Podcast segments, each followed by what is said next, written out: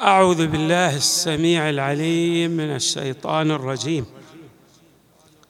بسم الله الرحمن الرحيم والحمد لله رب العالمين والصلاة والسلام على أشرف الخلق سيدنا ونبينا محمد وآله أجمعين الطيبين الطاهرين. قال الله تبارك وتعالى في القرآن الكريم كنتم خير أمة أخرجت للناس تأمرون بالمعروف وتنهون عن المنكر وتؤمنون بالله. صدق الله العلي العظيم. المعروف هو الفعل الجميل الذي يراه العقل أنه حسن أو يراه الشرع أنه حسن. وقد أطلق في هذه الآية المباركة وفي بعض الروايات على مسألة تختلف عن الإحسان.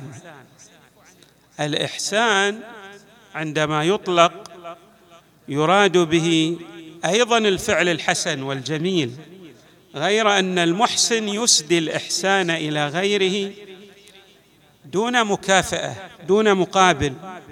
أما المعروف فيطلق ويراد به الفعل الحسن الذي له مكافئ.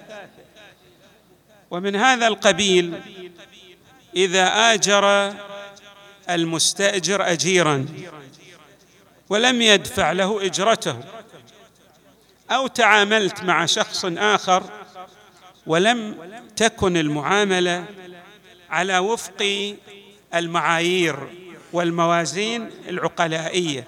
بمعنى كان هناك إجحاف منك أو من الطرف المقابل الذي يتعامل وإياك في هذه المعاملة. هذا الإجحاف هو خلاف المعروف. الله تبارك وتعالى يامر بالمعروف ونستطيع أن نعبر عن المعروف بأنه يساوق العدل بمعنى أن تكافئ ذلك الطرف الذي يتعامل وإياك بنفس المكافأة تقابله بنفس المقابلة في الأمور الحسنة في الأمور الحسنة والجميلة. وقد أكدت طائفة من الروايات على أهمية المعروف. ويمكن أن أيضا ويمكن أن نعبر عن المعروف بأنه استقامة لدى الشخص في تعاملاته مع الطيف المتعدد من الناس. بمعنى أن تكون المعاملة التي تصدر عنه ومنه على وفق الموازين الشرعية والعقلية والعقلائية. هذه الموازين جائية على نسق منتظم. لا لو رآها العرف لحكم بحسنها والشارع أيضا يحسنها. هذا المعروف كما أشرنا الله تبارك وتعالى أمر به بل بين أن هذه الأمة كنتم خير أمة أخرجت للناس. طبعا نحن أكثر ما يتبادر إلى إلى أذهاننا أن الأمر بالمعروف والنهي عن المنكر في مسألة الواجبات والمحرمات. هذا يمثل قسم من مسألة المعروف من الناحية المفاهيمية. المعروف له أهمية كبيرة. ليس لكونه فقط أتى في آية ذكر الحكيم. بل تبتني عليه معاملات الناس وأيضا يستقيم به أمرهم الاقتصادي بل وأمرهم الاجتماعي وما إلى ذلك من الأمور. ولهذا أولاه الشارع العناية الكبيرة. في الرواية يترتب عليه هذا الأثر الذي يسير على وفق المعروف بمعنى لا يجحف الناس وإنما يستقيم في تعامله مع غيره. هذه صنائع المعروف كما جاء في الرواية تعطي الإنسان ميزة بل ميزات كثيرة كما يمر علينا في بعض الروايات. من هذه الميزات أن الله تبارك وتعالى يقيه مصارع السوء. الإنسان الذي يتعامل دون إجحاف مع غيره الله تبارك وتعالى يجنبه الوقوع في الاسواء لا يقع في سوء نتيجة لهذه المعاملة التي يرتضيها الحق تبارك وتعالى. وقلنا أيضا إن قلنا إنها مرتضاه من قبل العقلاء أيضا ليس الشارع فقط. في الرواية أيضا عندنا عن إمامنا الباقر عليه السلام صنائع المعروف تدفع مصارع السوء. الإنسان الذي يتعامل على وفق هذه الموازين الجميلة والمقاييس من لدن الشارع المقدس والعقلاء الله تبارك وتعالى يجنبه مصارع السوء. سؤال قدمه الصحابة إلى رسول الله صلى الله عليه وآله في الرواية. قالوا له يا رسول الله فداك آباؤنا وأمهاتنا إن أصحاب المعروف في الدنيا عرفوا بمعروفهم. الإنسان الذي يتعامل على وفق هذه الموازين الحسنه والجميله من ناحية العقل والشرع هذا معروف بالاستقامة في الدنيا. وأيضا هو ممدوح من لدن الناس كافة. نعم إن أصحاب المعروف في الدنيا عرفوا بمعروفهم فبما يعرفون في الآخرة. فقال صلى الله عليه وآله إن الله تبارك وتعالى إذا أدخل أهل الجنة الجنة أمر ريحا عبقة. طيبه هذه الريح ماذا؟ الريح العبقة لها معنى جميل يعني مرة تضع عطرا ولكنه لا يلتصق بك لا يلزق بك. العبق هو الذي يلزق بك ويبقى معك. هذا نسميه ريح عبقه الله تبارك وتعالى يقول لهم هذا طيب مميز. نوع من الروائح الله تبارك وتعالى يطيبهم بها بحيث إذا مروا في عالم الآخرة هؤلاء أهل المعروف في الدنيا الذين عرفوا في الدنيا بمعروفهم أيضا يعرفون في عالم الآخرة في الجنة بهذه الروائح الطيبة الجميلة. انظروا هذا يعني كأن لهم ميزة. كيف مثلا نعبر عن الأنبياء والرسل إذا جاءوا إلى الناس بالخصوص المصطفى صلى الله عليه وآله يعرف برائحته العبقة.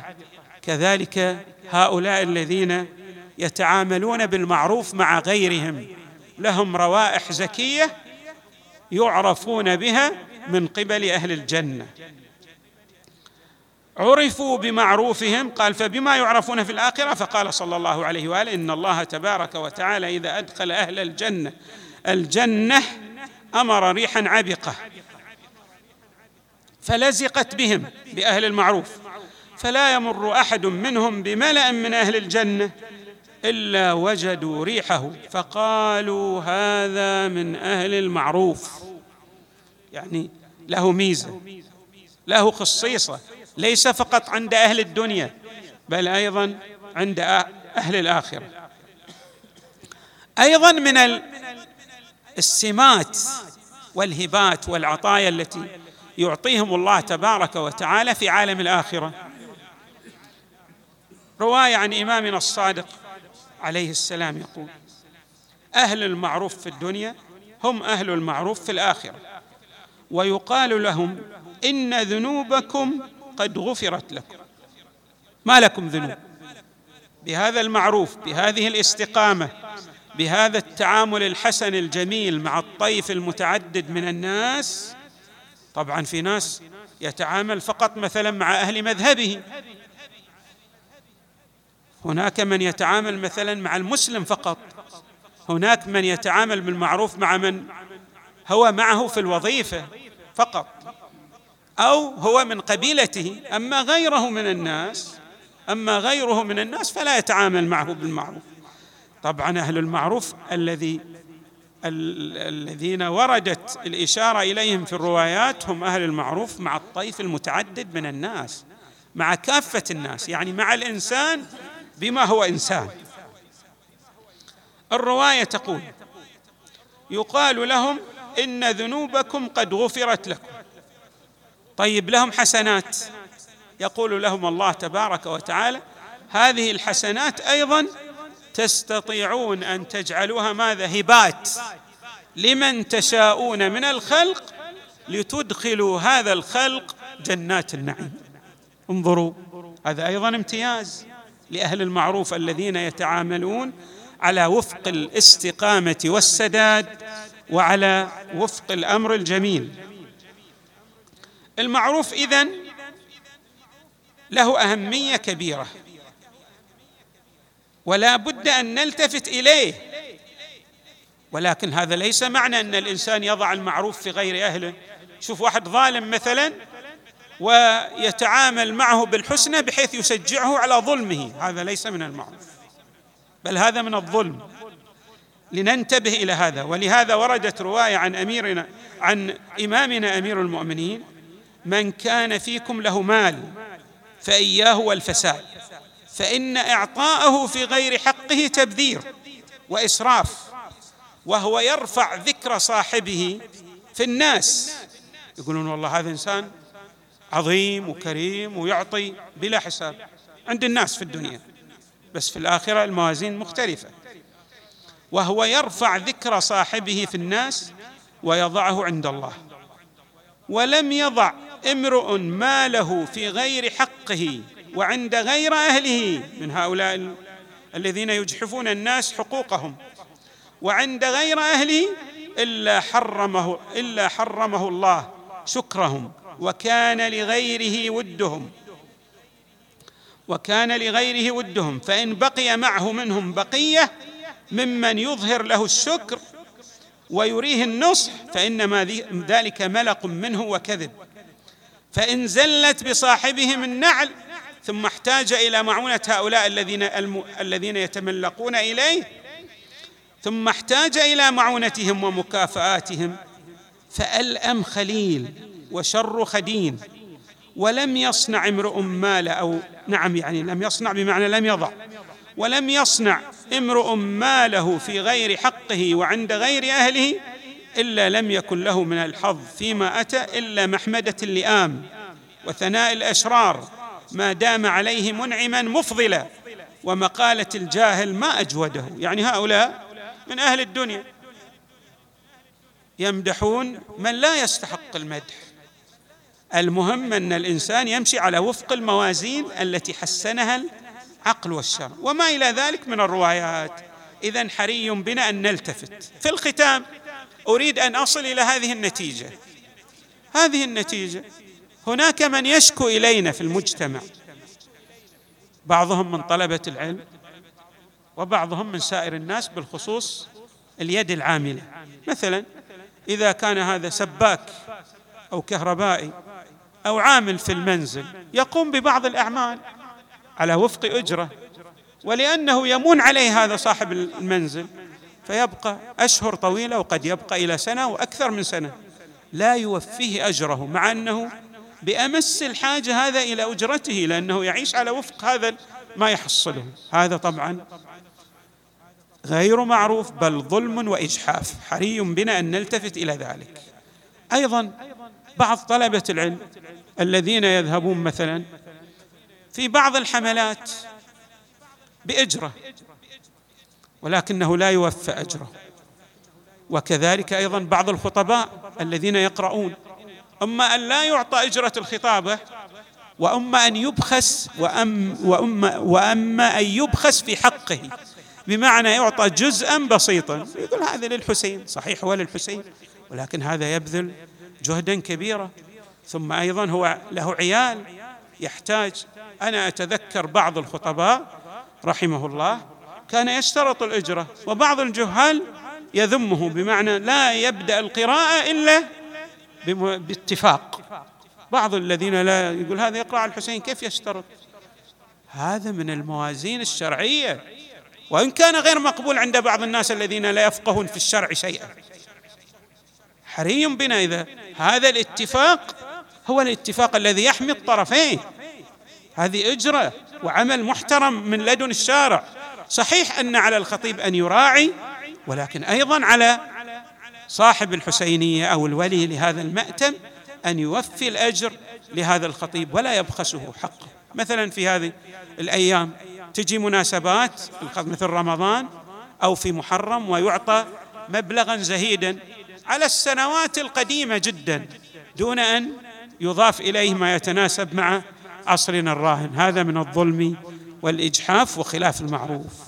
نسأل الله تبارك وتعالى أن يجعلنا من السائرين على هدي محمد وآل محمد في الدنيا والآخرة. وصلى الله وسلم وزاد وبارك على سيدنا ونبينا محمد وآله أجمعين الطيبين الطاهرين.